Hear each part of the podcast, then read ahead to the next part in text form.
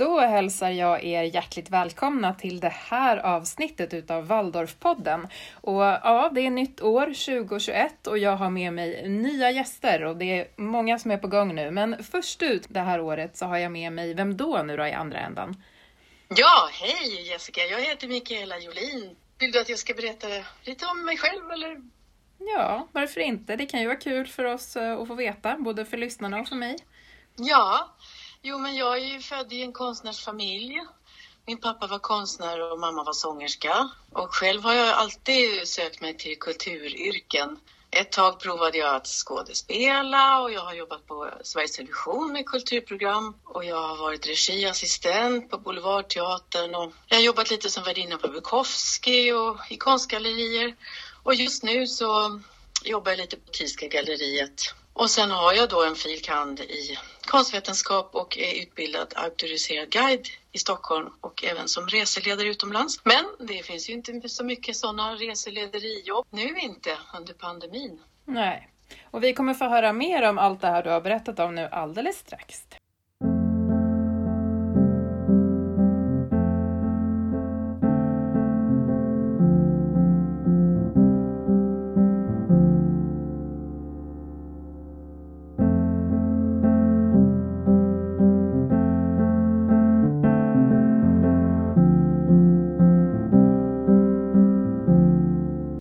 Vi igång och som sagt nytt år, nya gäster och jag har med mig idag då Mikaela Jolin.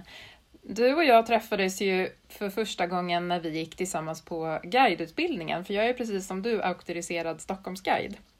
Just det, och tänk att det är tio år sedan nu. Ja, det är helt otroligt faktiskt. Men, men ja. tiden går fort när man har roligt, för vi har ju faktiskt ja. behållit kontakten sedan dess.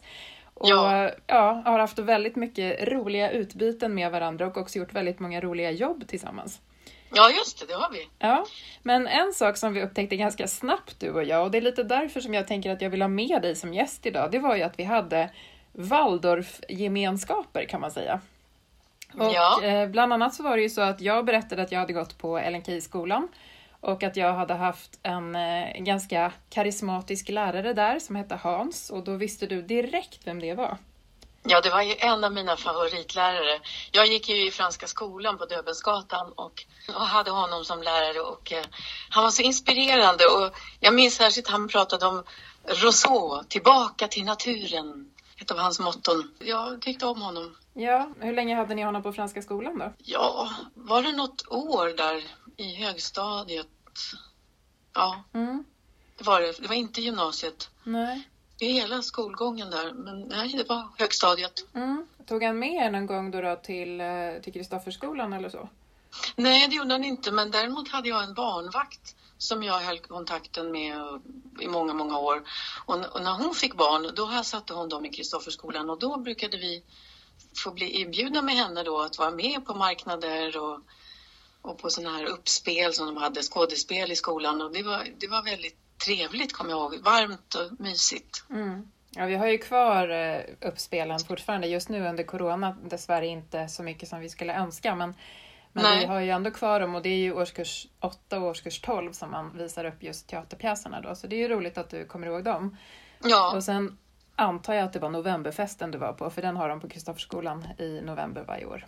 Mm. Jag har ju alltid sagt till eh, gäster som jag frågar om de vill vara med i podden att man måste inte tycka bra om Waldorf för att vara med eller man måste liksom inte tycka att Waldorf är det bästa som har hänt eller någonting sånt utan man får ju liksom gärna vara lite kritisk och så till Waldorf också.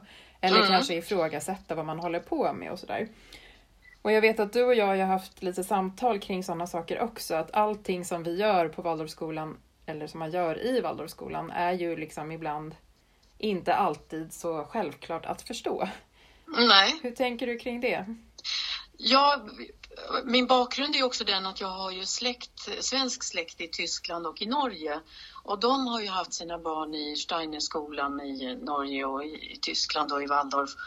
Och då har jag ju fått också följa med så trevligt då på olika uppspel och marknader och sånt där. Och då har jag också fått inblick lite grann i det hela, fast jag kan inte säga att jag expert verkligen inte. Och mina grannar också här på Söder, Lena Lervik och Thomas Kvarsebo har haft sina barn där också. och vi har pratat en del. Men det som jag tycker verkar positivt det är ju att barnen helst inte ska börja dagis förrän de är tre, fyra år. Mm. Den idén tycker jag är jättefin. Mm. För att eh, det är väl bara en fördel om de får förankra sig i familjen första, de första åren. Liksom. Mm. Sen går ju inte det i ett modernt samhälle alltid kanske. Jag tänkte ju säga det, för att så det här med idealet att man skulle börja kanske när man var tre, fyra år, där är vi ju inte riktigt idag. Men, Nej. men det var ju så under ganska lång tid att man helst inte skulle börja i förskolan för tidigt utan att man skulle kanske då vänta ett tag. Så att man hade haft lite tid hemma tillsammans med sina föräldrar. Mm. Eh, Så att absolut, den tanken fanns ju ursprungligen. Och det fanns också en tanke om att man inte skulle gå så länge varje dag på förskolan. Utan man kanske skulle vara där mellan nio och tre ungefär. För att liksom få lite tid hemma också med sina föräldrar. Mm. Att, Nej, eh, alltså det är klart. Jag minns när mina barn var små att jag var tvungen att börja jobba. Min dotter var tio månader när jag var tvungen att börja jobba och min son, där lyckades jag dra ut på det tills han var ett och ett halvt. Men Mm, jag hade gärna stannat hemma längre. mm, Men en annan sak, och det vet jag inte om man har missförstått, men man verkar också ha samma klasslärare i hela grundskolan. mm. Det kan ju se väldigt olika ut faktiskt. Det kan ju vara Ja. så att man har samma lärare i ettan, tvåan, trean och sen i, någon annan lärare då i fyran, femman, sexan och någon i sjuan, åttan, nian. Eller så kan det ju vara Ja. så att läraren har så pass mycket behörighet så att den kan undervisa från numera då förskoleklass hela vägen upp till nian. Så att det handlar lite om vem man är som lärare och vad man har med sig för något utbildningsmässigt så i, i bagaget. Men är det någonting man helst vill sträva efter? Eller? Jo, men man vill ju gärna sträva Ja. efter att det ska finnas någon typ av kontinuitet. Så är det ju. Och det är ju inte jättebra för barn och unga, upplever jag i alla fall. Nu pratar jag bara subjektivt här, så att alla ni som lyssnar på avsnittet ska inte tro att jag pratar för hela Waldorfrörelsen, för det gör jag inte. Jag pratar för vad jag har för upplevelser här. Ehm, och för mig så tycker jag ändå att, att det har varit bra när man har kunnat knyta an till sina elever och ändå vara med dem så pass länge så att de vet ja, men vem man är som lärare och att jag som lärare också vet vilka de är som individer. Mm. Så det, Det måste ju vara en fördel. Ja men jag. faktiskt. Och sen kan det ju ibland bli lite hackat och malet beroende på att vissa lärare blir sjuka eller att man inte orkar eller att det kan hända andra saker och så. Men, men just det här att ändå kanske då ha en kontinuitet i form av ämneslärare eller så som liksom dyker upp då kontinuerligt i klasserna också. Ja. Så ja, och sen tycker jag det, det verkar så trevligt med det här kreativa. Att det, man jobbar mycket med hantverk, med slöjd och målning och eh, sådana saker. Och sen har jag förstått det som att om ett, en elev verkar väldigt inspirerad av särskilt någon, något ämne en viss vecka, då uppmuntrar man den att fortsätta med det ett tag till. Liksom koncentrera sig på det ämnet. Jag vet inte om jag har missförstått. Det var väl kanske så en gång i tiden återigen då, men eftersom vi numera följer precis som man gör i, i alla andra skolor och så Lgr 11 Jaha. eh, som då är själva liksom grundskolans kursplan och har som ett komplement kan man säga då en väg till frihet som är Waldorfskolans kursplan. Så, så fungerar inte det riktigt på samma sätt nu. Däremot så kan man ju ge elever kanske lite fördjupat stöd i vissa ämnen eller så. Saker som de Mhm. känner att de vill liksom fördjupa sig i på ett annat sätt. Eller att man kanske vill testa på just, om vi nu nämner hantverket som du var inne på, så kan man ju ibland också fördjupa sig lite i det. Mm. Så att det där är väldigt olika och ser väldigt olika ut från skola till skola. Vad man har för möjligheter kring just den biten. Ja, okej. Ja, det kanske är annorlunda också i Tyskland, eller jag vet inte riktigt. Jo men det kan det absolut vara därför att de följer ju en annan typ av kursplan än vad vi gör. De har ju såklart också då den här en väg till frihet-delen liksom så. Alltså Waldorfskolans kursplan. Men, eh, men de har ju sen också i, i grund och botten en annan typ av, eller de har ett annat typ av upplägg så ska jag säga i Tyskland än vad vi har här i Sverige och det är samma i Norge också. Mm. Och sen har jag ju känt mina släktingar hela livet så det kan hända att de pratar mer om det när jag var liten och så har det ändrat sig. Mm, precis. Men, men jag tror att jag skulle ha passat jättebra i en Waldorfskola för att mina bästa betyg var ju just teckning och musik. Mm. Ehm, jag tycker det är så tråkigt när man ibland hör om den vanliga svenska skolan att man ska dra ner eller ta bort, jag vet inte riktigt hur det är just nu. De eleverna som har läggning för det, de får ju aldrig visa sig duktiga eller känna sig duktiga. Om det är sådana ämnen, skapande ämnen och att, även alla kan liksom bli inspirerade av det och, och få utveckla den delen av hjärnan, det är väl jätteviktigt. Mm. Jo men verkligen och det finns det ju många studier som visar. Oavsett om man är i Waldorfskola eller inte så finns det ju mycket, mycket som tyder på att man behöver framförallt utveckla båda hjärnhalvorna. Mm. Så att det inte Och sen har jag fått ett intryck också av att, eh, att det inte förekommer så mycket mobbing i eh, Waldorfskolorna. Och det är väl en jättefördel. Ja, och det där kan också se jätteolika ut. Det här är, nu känner jag att jag är ute på farlig is här, eller på säga, Ja, men, att det är, det är väldigt, väldigt olika. Men det är klart att vi uppmanar till att det ska vara så lite mobbning som möjligt. Men tyvärr så är det ju så med både vuxna och barn och ungdomar att ibland så sker det ändå. Men, Mm. men jag upplevde ju Utifrån min egen skolgång så upplevde jag dessvärre mobbning även på Waldorfskola. Men jag Mm. upplevde det också i grundskolan när jag gick där innan så det är ju svårt att säga vad det hela Ja. beror på. Så. Ja, det är väl från skola till skola. Ja, Men ska jag säga någonting som jag tycker inte verkar så bra? det får du jättegärna göra om du känner Ja. att det är några grejer som du undrar lite över.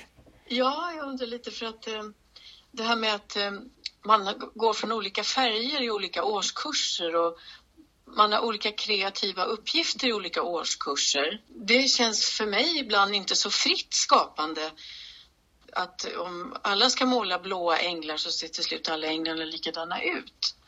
Att man inte får eh, använda helt och hållet sin fantasi utan man blir begränsad. Mm. På vilket sätt tänker du att, att alla ser likadana ut då?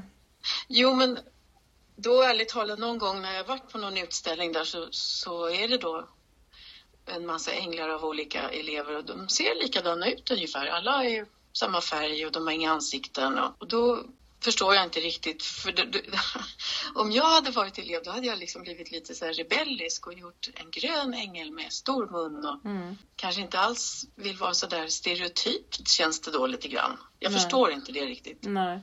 Nej, och det där är ju också jätteolika från, från Waldorfskola till Waldorfskola men också från pedagog till pedagog. Det, det finns ju precis som du säger en, en färglära som, som liksom Steiner har tagit fram, precis som Goethes färglära, Mm, eh, som, eh, som går att liksom utgå ifrån. Och eh, sen finns det ju också just som du säger att man har i olika årskurser olika färger. Men det är lite utifrån liksom vilket tema man har och också att det är kopplat till andra saker runt omkring. Så att jag har nog faktiskt inte förrän du sa det tänkt på att vi faktiskt målar rätt lika när vi går i de yngre årskurserna, för sen gör vi ju inte det.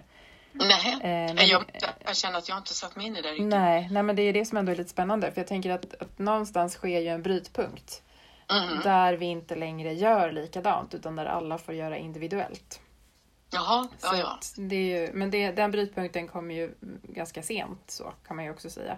Så apropå det fria skapandet så är ju det väldigt blandat. För ibland så får du ju ändå rita helt fritt. Mhm. I alla fall upplevde jag att det var så när vi hade Hans Möller, men också när jag själv har undervisat att mina elever får jättegärna rita när vi berättar olika sagor eller berättelser eller när man liksom ja, berättar utifrån olika perioder och sådär. Att de får ha det fria Jaha. skapandet då, liksom, i periodhäftena framför allt. Mhm. Så det kan ju kännas mycket mer skönt att kunna ge den friheten och säga att men nu, jag har berättat om det här idag på morgonperioden. Så nu får ni liksom fördjupa er i det och tolka det i en bild. Ja, det låter ju jättefint. Ja, och det kan man göra relativt tidigt faktiskt utan att det liksom blir några konstigheter med det. Nej. Och sen det här med att man inte fick se, se, se på TV, i alla fall var det väl mera så förut vad jag förstår, Mm. enligt de jag känner lite grann. Och det förstår jag väl är en poäng för att, eh, och särskilt nu när det är så mycket, alla stirrar in i sina mobiler till exempel och bara matas med bilder. Men vid något tillfälle så förstod jag att man fick inte ens titta på en konsert i TV. En klassisk spelad konsert, det var några som sa. Mm. Och då blev jag jätteförvånad, för vad är problemet med att se några som spelar fiol i bild till exempel och sen lyssna på musiken samtidigt? Mm. Varför inte det? Precis, när du berättade det här för mig första gången som du berättade det Ja. eh, så blev jag helt ställd. För att jag har aldrig, aldrig någonsin hört talas om det. Däremot Nej. har jag säkert lyssnare som är inbitna antroposofer och eh, kännare och kunniga inom det här. Eh, som säkert skulle kunna ge dig helt andra svar än vad jag kan göra som ju är liksom ganska ung i gamet om man säger så. Eh, Mm. Men jag kan inte se några bekymmer med att man skulle se en konsert på TV. Det gör ju jag ganska ofta. Så att jag vet inte var det där kommer ifrån överhuvudtaget faktiskt. Däremot så växte jag ju upp också med att inte vi fick titta på TV. Så var det ju. Men det har jag också berättat för dig att det ledde ju till att många i min klass eh, idag fortfarande är aktivt verksamma och gör film och tv-program. Men också radioprogram eller poddar som det här eller att vi, vi jobbar med media på något sätt. Mm, Mhm. Så att jag tror inte på tanken att man ska stoppa elever från att göra saker för då kan det ofta leda till att ja, men det blir precis tvärtom. Det Det spiller blir över. Ja. Och då kanske. spiller det över liksom, och så vill man testa och bli liksom som en av mina klasskamrater har blivit Toy Art Director och sitter och jobbar med data hela dagarna eller en annan Mm. klasskamrat som har blivit arkitekt och sitter och snurrar olika objekt i datorn och sådär. Det finns ju liksom olika saker som man kan tänka på utifrån det också men just det här att bara för att det är på ett visst sätt så och om man alltid har gjort så så brukar vi säga också några stycken att då kanske det inte är så att alla måste göra det i alla fall. Eh, Och det lever Nej. också kvar ganska mycket myter och föreställningar från förr. Det är svårt att svara på varför man har kommit fram till en sån slutsats att man inte kan titta på TV och lyssna på konsert där. Liksom så. Men det kanske är olika då i olika fraktioner av det här. Det kan det Tyskland definitivt vara. Sverige och- Definitivt tror jag. Ja. Så att det, det tror jag nog absolut. Och sen, men jag tänker på, apropå det, jag hade en kompis som inte fick läsa Kalanka hemma. Mm. Och så fort hon kom hem till mig så ville hon läsa Kalanka och jag tyckte det var så tråkigt för hon ville inte leka med mig, hon ville bara sitta och läsa Kalanka. Ja, Och det visste ju inte föräldrarna då att hon gjorde. nej. Nej, och det där är väl liksom också grejen tror jag, att om man stoppar någon från att göra något, då är det ju precis det man vill göra. Ja. Men sen ju... hörde jag något rykte och jag vet ju inte om det är sant att, att det är också en tanke att man ska bara lyssna på musik som skapas i rummet. Att man inte ska lyssna på någon inspelad skiva eller konsert.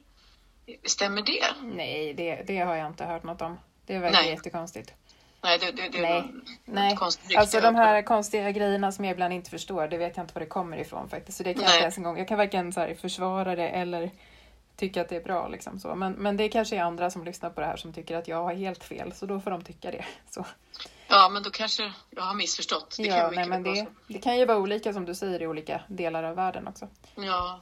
Har du tänkt på någon mer sak då som du tänker är eh, just utifrån den här aspekten, saker som du har funderat kring? Ja, en sak till har jag bara tänkt på. Och det är ju då det här med idoldyrkan.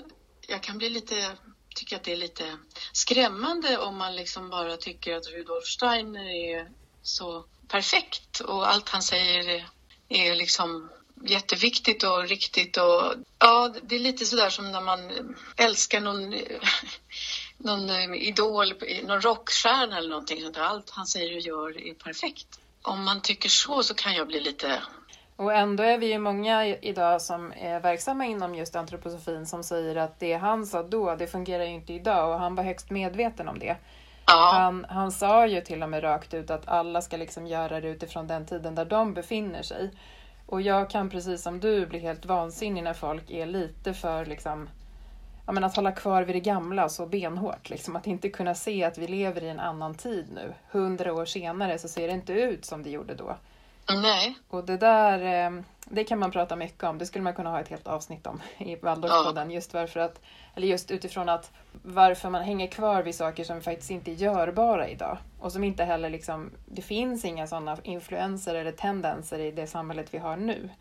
Nej, nej. Eh, Men så finns det också andra saker som han sa då för hundra år sedan som i allra högsta grad verkligen är tendenser och influenser i det samhället vi lever i nu. Mm. Och då kan man ju titta närmare på de bitarna och se liksom, okej, vad av det här kan jag ta med mig och göra någonting av? Ja, det är ju spännande. Mm. Men du förstår vad jag menar? Att, Jag förstår absolut. Och jag kan också känna, jag var ju tvungen, utifrån min egen liksom uppväxt och så, så var jag ju tvungen att ta avstånd från Waldorf och antroposofi under ett par år. Kanske nästan närmare tio år var det som jag var tvungen att bara lämna det helt och hållet. För att jag kände att det blev för mycket. Mhm. Men sen kände jag också, jag testade ju på att jobba på olika andra ställen som alltså förskolor och vickade som lärare och sådär och undervisade teater och så och, och kände hela tiden att nej, det är någonting som saknas. Det Mm. finns inte den här känslan av gemenskap eller den här känslan av att, att man får vara kreativ som du var inne på förut.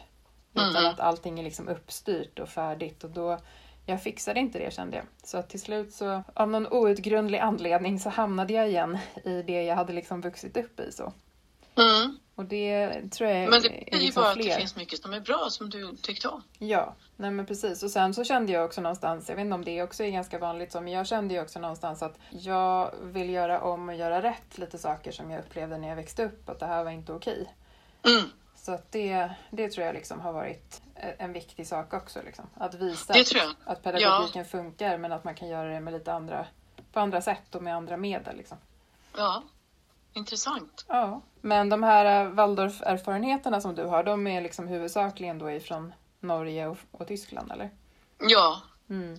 en av mina släktingar är lärare också i, i en sån här Steiner-skola. Man har ju fått följa med på vissa grejer och lyssna lite sådär, men jag kan ju inte säga att jag har låtit mig bli undervisad och lärt mig allting. Men, Nej. men deras barn är ju väldigt kreativa och nu börjar de ju få barnbarn också. Det, men det är en väldigt skapande familj. Pappan är jätteduktig finsnickare vid fritiden där. Och han säljer även såna här skaft till, knivar som är jättevackert dekorerade. Och, Så det är alltid liksom, man har kritor och papper framme och man liksom, man hälsar på och man fikar, man sitter och tecknar och de snidar och man spelar spel och det är jättetrevligt och jag tror att jag, jag får för mig att det kommer mycket influenser från vad de också gör i skolan, att de gärna pysslar hemma, sni- stickar och Jo, det har vi haft uppe i tidigare avsnitt av Waldorfpodden också, att vi är ju många som har gått i Waldorfskola eller som, har, som jobbar i Waldorfskola som, som gör saker på fritiden som är väldigt kreativa. Mm. Så att jag tror att det är någonting som spiller över även på fritiden. det är ju det är- jättetrevligt. Ja, och det är faktiskt det. Och man blir ju också väldigt sådär, ska man säga, man får ju lära sig inte bara det här med att vara kreativ, man får ju också lära sig liksom det här med att på något sätt vara lite gatusmart som jag brukar säga. Att kunna, att kunna lite grann om ganska mycket. Ja, Så att det känner jag att jag har fått med mig från just Waldorfskolan. Och jag har ju träffat dina släktingar, ska jag också lägga till, från, från Norge. ja det och har jag jag. upplever att de har fått med sig lite grann samma saker, sådär, eller liknande saker. Att Ja. vi just kan prata om allting. Det blir liksom inte jobbigt eller pinsamt utan man hittar någonting som man liksom kan prata om och så kan man ja, köra Ja, ja. på med det. Liksom så. Och sen tänkte jag på, Lena sa till mig också, Lena Lervik som har haft sina barn där, att de alla fyra hennes barn har liksom blivit problemlösare. Och det trodde hon också att hon hade fått med sig från Waldorf, att de, de sitter inte handfallna och utan de, de är duktiga på att lösa problem. Det tyckte jag var intressant också. Mm. Ja, du får väl säga huruvida du tycker jag är bra på att lösa problem eller inte. Ja, det måste jag säga. ja precis. verkligen. Jo, och jag Du kan har så många säga... eld, järn i elden och fixar en massa. Jo, men man har ju det och det tror jag också. Det, det pratade jag och Alexander Lervik om när jag intervjuade honom för Waldorfpodden. Alltså Lenas son då tänker jag på. Och då, då pratade vi jättemycket om just det här att, att vi som är Waldorfelever, för detta Waldorfelever, vi är liksom inte nöjda med bara ett projekt. Vi vill ha Nej. liksom kanske 10-20 projekt eh, igång samtidigt eller är det så här, går pö om pö. Ja. Eh, och det finns liksom alltid någonting att sysselsätta sig med. Det tyckte Alexander och jag att vi hade liksom som en gemensam nämnare, att det går alltid att hitta på någonting att göra. Ja, men det är väl jättebra. Ja, och det Och tror jag... särskilt i dessa pandemitider. Ja, och det tror jag verkligen att jag har fått med mig just som du nämnde då, att Lena sa också ifrån Waldorf. Det skulle jag nog Mm. inte kanske, eller det vet jag ju inte för jag har inget att jämföra med ska jag lägga till. Men, Nej. men jag känner att jag har fått med mig den här kreativiteten, bland annat från Hans Möllers tid som vi då hade som gemensam nämnare från början där, men också från andra lärare. Och Ja. klasskamrater och kollegor så småningom också. Ja, så jag växte upp i en konstnärsfamilj. Pappa var konstnär och pappa, mamma var sångerska och jag tror att det passade mig väldigt bra för jag har alltid velat hålla på med kulturarbete i alla fall i någon form. Men, men det hade passat mig väldigt bra tror jag om jag hade fått gå i Waldorf. Ja. Jo men det kan jag uppleva att det är många som säger i efterhand att hade jag vetat att det här fanns så ku- skulle jag kanske ha gått på det här när jag var yngre. Liksom så Mm, så det, det tror jag är ganska ett vanligt fenomen också. Sådär. mm. Eller att jag har medarbetare som säger att men oj varför fanns inte det här när jag var liten? Så jag hade verkligen behövt det. Men sen, jag gick ju i franska skolan och jag, det visade sig att jag hade lätt för språk. Och den skolan är, eller, eller var i alla fall då, väldigt bra när det var i språkundervisning. Så det, det fick jag ju med mig där väldigt mycket. Ja men det är ju bra att du känner Mm. att du har fått med dig saker ifrån det också. Sådär. Mm. Jag tänkte på det i alla fall att i inledningen av det här programmet så berättade du lite grann vad du har gjort och vem du är och allting sådär. Men jag skulle vilja komma tillbaka lite till att du berättar kanske lite mer om ja, men saker som du har gjort och vad du har fått med dig för erfarenheter från de olika sakerna. Jag vet inte var jag ska börja. Men eh, jag eh, provade ju på lite skådespeleri i början. Och vad jag fick med mig där, ja, jag vet inte riktigt. Men eh, det, var ju väldigt eh, spännande och, och kul. Och jag var, spelade till exempel Julia i Romeo och Julia på Spegelteatern i Mariefred i Slottsparken där en sommar. Och det var ju så roligt att få säga alla de här vackra replikerna ur Shakespeares manus. Varje kväll så tyckte jag att jag förstod några nya symboler liksom. Och sen har jag ju då fått eh, hjälpa Staffan Götestam som regiassistent och det har ju varit väldigt roligt också att få liksom fördjupa sig i teaterarbetet i alla delarna där då, för man fick ju vara lite allt i allo också. På Boulevardteatern och sen på Sveriges Television, ja då var jag kulturreporter ett tag hos Ingela Agard och det var ju väldigt kreativt. Det är bland det roligaste jag gjort. Jag fick ganska fria händer och i två år så gjorde jag ett inslag varje vecka och då fick jag gå och intervjua någon konstnär eller gå på någon utställning och sen satte jag musik till och skrev speakertexter och kunde instruera fotografen lite grann hur jag ville ha bilderna och sen satt man i redigeringsblocket och klippte ihop det där med en tekniker. Det skulle bli fem minuter i veckan, men det tog ändå sin tid att göra det där. Och så har jag ju då jobbat lite på Valdemarsudde och på Bukowski och nu hoppar jag in lite grann på Tilska galleriet. Så jag håller mig inom kulturen på något sätt. Mm. Och på Tilska så jobbar du ju förresten med en av mina före detta Waldorfelever. Så det tycker jag är ja. jätteroligt. Adam Korpskog. Ja, precis. Jag tänkte försöka ha med honom så småningom i ett avsnitt kanske också. Om han nu ja. ställer upp. Det vet man inte om han vill men jag vädjar till honom i alla fall här och nu. Får vi se. Ja, det tycker jag att du ska göra verkligen. Han har ju varit så otroligt eh, duktig och eh, fixat eh, och varit kurator för den här eh, Axel Törneman-utställningen som öppnar 6 februari, håller på ända in i juni. Han har ju skrivit katalogen som är jättefin. Jag läste det utan igår och det kommer vara 79 verk tror jag, så det kommer bli en stor utställning. Oj, oj, oj. Nu blir fröken, gamla fröken blir stolt här över sin elev. Ja. Ja, man blir lite rörd så. Ja, och han är jätteduktig guide där ute, det måste jag ju säga. Vi kommer få en personalvisning nu av honom här i dagarna. Trots pandemin, vi får det i alla fall. Mm. Mm. Men eh, jag tänker på det, du och jag lärde ju känna varandra när vi läste till guider, berättade du ju förut här. Ja. Och eh, vi har jobbat båda två väldigt mycket som som Stockholmsguider, men du har ju också jobbat lite som reseledare och rest ganska ja. mycket utomlands. Och... Ja, precis. Ja. Mina språk är ju då engelska, italienska, franska. Men italienska och franska blir ju då att de gärna skickar mig till Italien och Frankrike. Så då frilansar jag för fyra resebyråer och sen så flyger man till exempel till Paris eller till Rom och sen har man då en buss från trakten med en chaufför från trakten som hittar och som har GPS också men de är ju jättebra på genvägar och sånt där. Och det är jättetrevligt och så har man lokalguider ibland och till exempel jag får inte guida på Louvren och det är ju tur det. För det finns så mycket att titta på. Mm. Nej, men så man varvar då med lokalguiderna och med mina berättelser i bussen och så. Så det, det är mycket att göra. Det är intensiva dagar, men det är väldigt kul. Sen har ju du också nu under pandemin när det är lite kärvt med jobb ibland, men då har ju du också läst in och varit speakerröst till några stycken dokumentärer. Jo, SVT de, de ringer in mig ibland så att eh, nu till exempel gjorde jag en om Mirella Freni, operasångerskan från Italien som dog 2020 eh, och eh, sen ska jag få göra en om romer nu här framöver också. Så det är alltid spännande olika kulturdokumentärer som mm. sen sänds i huvudkanal, brukar sändas i tvåan på lördagarna och sen hamnar det på SVT Play. Ja men det är spännande. Det är bra liksom, jag tänker när man jobbar som frilans som både du och jag gör lite grann, får man ju liksom ta de jobb man, man hittar. Ja. Eh, eller inte bara hittar, det låter som att det är lite uppgivet, men man får ta de jobb man blir erbjuden, så kan man säga. Ja, Lite vandringar gör jag ibland, mindre sällskap nu under pandemin. Till exempel jag hade en man som jag känner från SVT vars fru fyllde jämt och så frågade han, du kanske kan vandra med oss i Gamla stan och så tog de med sig ett annat par. Så jag hade fyra gäster då och gick runt med dem. Och det var ju en ganska bra idé faktiskt för då smittar man inte varandra heller. Nej, precis. Nej, sådana vandringar har jag gjort nu under pandemin också där vi bara varit två stycken och jag. Och det ja. blir ju oerhört lyxigt. Ja, jag hade faktiskt en, eh, en kollega ifrån just en Waldorfskola som bokade in mig som en födelsedagspresent till sin väninna. Ja, så då gick vi runt idé. på Söder och så guidade jag dem där då. Då var det liksom verkligen lyx att gå med dem i två timmar på Söder. Då behöver man just inte känna den här oron som du säger, man är inte för många. Liksom så. Och så blir det liksom en upplevelse, en utflykt. Istället för att köpa någonting i någon affär så får man en upplevelsepresent. Ja, och som liksom man kommer ihåg för livet kan man ju säga också. Det är ju så här att när man lär känna varandra som vi ju då gjorde för tio år sedan har vi just konstaterat. Eh, mm. Så vill man ju också så småningom veta mer om vad den andra gör såklart och vad den håller på med och sådär. Eh, och därför var det jättekul för mig för att jag såg ju dig i lite olika filmer och eh, tv-serier. Och det var ju väldigt roligt framförallt i den rollen som du spelade när du var med i Bo Widerbergs Mannen på taket.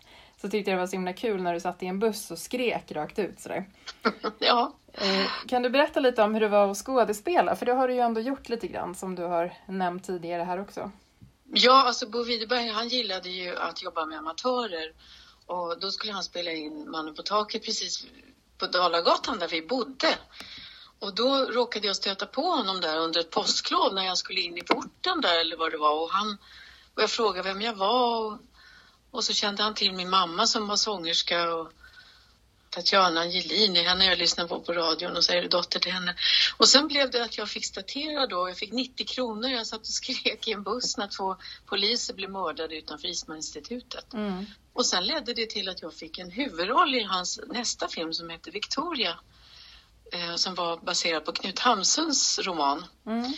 Och jag, det var ju fantastiskt. Jag gick, det var mitt sista sommarlov. Jag var ju jätteung. Men det var ju otroligt roligt. Det var mycket exteriört, vi var mycket utomhus. Vi var uppe i Nordnorge bland de vackra fjordarna där. Och Harald Hamrell spelade med. Och ja, vilka var det mer? Det var Peter Schildt och ja, det var en samproduktion med Tyskland så det var en del tyska. Min motspelare, det är en kärlekshistoria, han, han var ju tysk. Mm. Stefan Schwarz. Mm. Ehm, ja, så Mm. att ehm, där fick man plötsligt en huvudroll och det kom på löpsedlarna och så. Ja, för jag kom på också att du har ju även varit med i en av Björn Skifs filmer. Vilken av Ja. dem var det som du var med då? Ja, just det, det var strul. Det Just kom ju det. efter då i Ja. efterdyningarna. Så fick man provfilma lite sådär. Så att jag spelar en läkare där och har några repliker. Mm. Och jag får fortfarande någon krona därifrån för att jag hade ett bra kontrakt där. Så jag står i, i rolllistan sen efter texterna. Mm. Och sen, ja, jag var med i Den gråtande ministern mot eh, Henriksson, vet han, Christer Henriksson. Mm. Där var jag en, eh, en journalist. Fast jag hade också bara några repliker, du vet. Men ja, jag gjorde lite såna grejer och sen så var det en kortfilm då med Harald Hamrell som regissör. Det var Skulden hette den. En halvtimme. Och det var en triangeldrama med en kvinna som jag då spelade och två män. Jag var väl 27 år då eller något sånt där, men det var också väldigt roligt. Och billig filmproduktion, men som ändå vann pris i England. Någon slags Hitchcock-pris, för det är ju en skrämmande historia där. Jag spelar mot Magnus Skogsberg som är med i ICA-reklamen. Ja, just det. Det är ju högaktuellt med ICA-reklamen. Nu ska, Ja. man, nu ska man inte prata om, om reklam här då i Waldorfpodden, men, Nej, men vi har faktiskt nämnt eh, just ICA-reklamen dessvärre då i tidigare poddavsnitt också. Fast i Ja. ett annat sammanhang än detta. Men det är ju lite intressant att det återkommer, så kan vi säga. Ja, och Magnus Skogsberg är en jätteduktig skådespelare, så han är ju värd att nämna. Ja, definitivt. Du har ju även läst in lite olika saker och sådär. Har du läst in några böcker? Ja, jag läste in en som heter Helenas hämnd på Storytel. Mm. Det bygger på en sann historia, eller som man säger är en sann historia om en kvinna som sen blev ett helgon i, i Varnhem. Helena, Sankt Helena. Så den spinner kring hennes liv liksom och fantiserar väl också en del Så Helenas hämnd av Maria Gustavsdotter, den har du läst in? ja, på Storytel. Ja. Ja. Känner du att du skulle vilja göra mer såna här saker? För jag tänker att nu under de här tiderna som vi nämnde så, så blir det ju att man gärna gör saker just för att man vill ändå på något sätt fortsätta att vara kreativ. Men känner du Ja. att du skulle vilja liksom på något sätt fortsätta med att läsa in böcker och göra fler speakeruppdrag och sådär? Ja, det, jag tycker ju det är så vansinnigt roligt. Det skulle jag gärna. Då hör ni det, ni som lyssnar nu. Vi har ju folk inom Waldorfvärlden som ägnar sig åt sådana här saker också. Och jag tycker det är jättekul att jobba med rösten. Du kanske skulle bli talgestaltare, det har vi inom Waldorfvärlden. De Vad är det för någonting? Man jobbar med rösten och ser till att man kan Mhm. artikulera på ett bra sätt och att man kan tala tydligt. Så att man inte sluddrar som elev till exempel. Om vi ska koppla tillbaka till det här igen då, hur vi lärde känna varandra. Jag, var, jag har vi ju sagt nu flera gånger här, men, men jag tänker att vi hade, hittade ju vår gemensamma nämnare där, Hans Möller. Ja, Eh, vi hade ju turen, du och jag och Britta Drakenberg, att bli inbjudna till hans allra sista bokrelease. just det. I Gamla stan. Ja, Och han kom ihåg mig. Det var så roligt när jag gick fram till honom. Nej, det Jaha. var, var jättefint att han faktiskt bjöd in oss. Jag tyckte att det var väldigt sådär generöst just att han bjöd in för detta elever så. Ja, och han Mm. dog häromåret. Han blev gammal. Ja, han blev gammal. Men du, det här med lärare. Alltså, man minns ju faktiskt vissa lärare man hängde vid läpparna. Man, det var så med honom. Man, man liksom ville verkligen lyssna på lektionerna och det blev tyst i klassen och de behövde egentligen inte säga så mycket för bara, de hade någon slags aura när de kom in i rummet. Det kan inte vara lätt att vara lärare, det förstår jag, men, men det beror ju på också vilka ämnen man fascineras av. Men vissa lärare glömmer man inte. Nej men precis, visst är det så. Alltså, vissa lärare glömmer man inte därför att det kanske har varit eh, lite tufft också att ha lektioner med dem och sådär. Men, Mm, men det är ja. också så att vissa lärare glömmer man ju inte heller därför att de just har satt sina spår, så där, att man har lärt sig saker för livet. Mm. Och sen har ju jag känt av också att lärare som jag kanske som, som ung inte uppskattade särskilt mycket har jag sen i äldre ålder verkligen mm, kunnat liksom minnas tillbaka till och tänkt att oj, men den där lärde ju mig massor med saker. Mm. Just utifrån det vi pratade om innan, det här med att om man ska ha samma lärare i alla år, så tänker jag att det ändå blir lättare, eller jag tror att det blir lättare, om det är så att du har liksom lyckats etablera, ja, just det här att du har en person som känner som dig. känner dig under längre tid på något sätt. Så Ja. att du verkligen känner att den, att den finns kvar. Liksom så. Mm. Men jag kommer ihåg, det var i flickskolan när jag gick i Franska skolan. Sen började de ju ta in pojkar i ettan, men de hann liksom inte ikapp oss, för då, var vi, då gick vi i fyran tror jag. Sen kom det väl in någon enstaka kille i gymnasiet, men, men sen var det vissa lärare som man kände att man blev sedd av på något sätt. Jag minns Madame Reuter till exempel, som jag hade i franska. Älskade henne. Mm. Kanske därför jag blev så frankofil. Ja, precis. Och det där spelar ju verkligen det spelar ju en viktig roll. Eh, Ja. Helt klart. Liksom, sådär. För att jag kan tänka också som utifrån den gemensamma läraren som vi har haft och, och många med oss, för det är ju väldigt många som har haft honom som lärare, så, så kan Ja. jag ju känna att han väckte ju mitt historieintresse. Definitivt. Mm, vad roligt. För att det liksom var, alltså han berättade så fantastiska historier. Så att man kände att det här vill jag veta mer om. Ja, det gjorde han. Han var jättebra på att berätta. Mm. Och det tror jag liksom är oerhört viktigt när man är lärare. Att vara bra på det, liksom, det berättande. Sådär.